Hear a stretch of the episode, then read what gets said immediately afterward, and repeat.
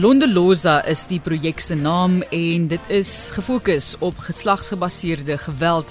Nadine Blom is 'n media woordvoerder vir die geslagsgebaseerde geweld projek Londeloza. Ons praat met daaroor die loods van die projek en die werk wat hulle doen. Baie welkom aan jou Nadine. Baie dankie Martelies, waardeer. Jy is op verskillende vlakke betrokke. Ons weet ook akademies. Jy het natuurlik vir ons baie ingelig oor mensehandel oor die jare. Hoe het dit oor jou pad gekom om by 'n geslagsgebaseerde geweldorganisasie betrokke te raak?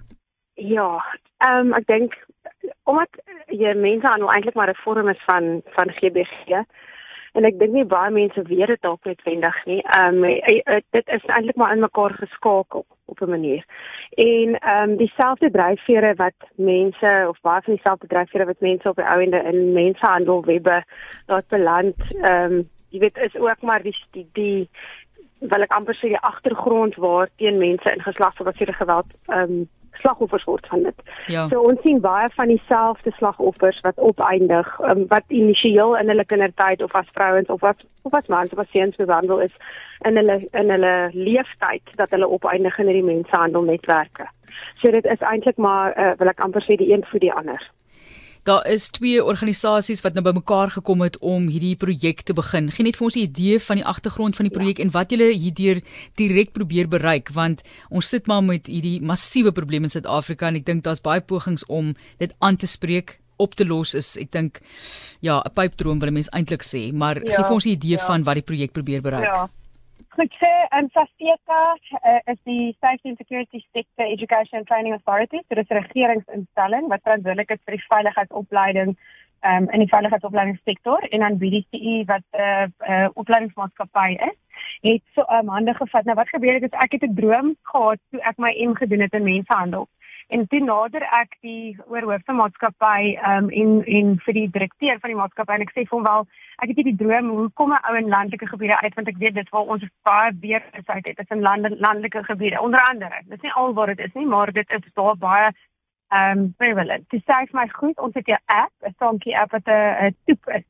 En um, waarop ons jong on jy weet ongeskolde uh, jeug oplei.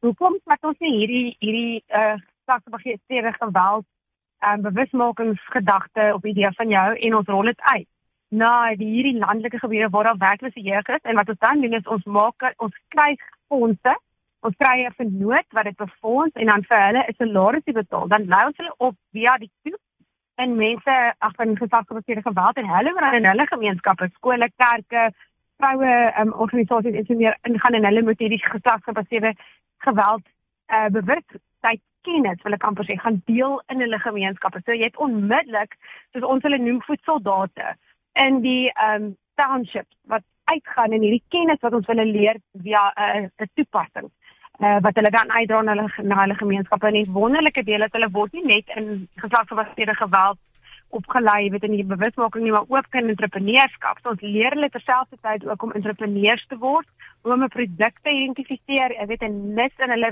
in hulle township wat dalk iewers waar hulle 'n uh, hulle eie klein besigheid kan begin. Ons leer hulle via die YouTube ook hoe om hulle eie besigheidsplanne op te stel. So jy weet as ou gaan kyk na mensehandel, al hierdie geslagsgeweld, jy weet wil ek amper sê die fenomeen self baie daarvan is word gedryf deur ekonomiese weerloosheid maar dit is mense wat nie 'n uh, ekonomiese geleenthede het nie wat nie vir hulle self regtig 'n beter toekoms kan bou nie. En ons hoop deur hierdie projek om die twee te link, jy weet, saam te vat en te sê goed, maar as 'n entrepreneur wil ons jou oplei, ons wil jou bemagtig en ons wil hê jy met jou gemeenskap gaan bemagtig met die kennis wat ons jou gee. Nadien die uh, gemeenskappe waarna jy verwys is, soos jy gesê het, uitgelewer. Ons het onlangs in die nuus weer gehoor van die geweldige werkloosheid in Suid-Afrika en dit is juist daardie gemeenskappe wat jy probeer betrek. Nou wanneer jy 'n toepassing na mense toe neem, 'n toep of ehm, 'n um, app na mense toe neem, moet daardie die app eers raak gesien word en dan moet dit half verwerk word en dan moet dit gebruik word. So hoe belangrik is die voetsoldate en die ander organisasies vir julle? Jy het verwys na sê net maar kerk uh of ja. uh gemeenskapsorganisasies en so meer met ander woorde die fisiese teenwoordigheid van mense in daardie gemeenskappe. Ja, ehm um, so wat ons gedoen het is ons die die die maatskappy self, ehm um, die die groter maatskappy het reeds tot op hede 75000 jong werklose studente reeds opgelei maar in in entrepreneurskap. En wat ons gedoen het is ons het letterlik soveel daar's 23000 studente wat in daai wagkamer sit en wag vir 'n uh, vir 'n vakleerlingskap of 'n leerlingskap. En ons het na daai studente gaan kyk en ons het gaan kyk wie is in hierdie weerlose um, gemeenskappe. Jy weet ek praat van die ver afgeleë um areas. En ons het baie studente genader en gesê wil julle nog stel julle nog belang om 'n leerlingskap te doen? En dan word hierdie studente 'n klein ons noem dit mos maar 'n stipend of 'n of 'n salarisie betaal um, wat wat hulle dan gebruik elke maand om mee te leef 'n deel en dan 'n deel daarvan is hulle ons man die trading money. Maar Johan 'n belangrike vraag wat jy vra want jy weet jy kan 'n jy, jy, ons het die gemeenskap nodig om betrokke te raak en ons het nodig om, om die woord uit te kry. Daar's soveel op privaat sektor maatskappye wat sê ons wil 'n verskil maak ons wil 'n verskil maak maar hoe wat fantasties is van hierdie toep is ons kan dit trek. Ons kan kyk hoeveel studente het ehm um, daadwerklik hoeveel skole gaan toespreek, hoeveel organisasies want hulle moet dit opdateer op die toep. En dan wat nog meer fantasties is is ons sit in die proses 'n nasionale database wat gebou word van GBG organisasies, sentrums en so meer um, reg oor die land. So die studente moet in hulle afgeleë areas na die kliniek toe gaan, na die SAPS toe gaan en gaan vra hoe werk die ehm um, GBG sake hier? Wie is die ehm um, die jy weet die aangewyse trauma persoon?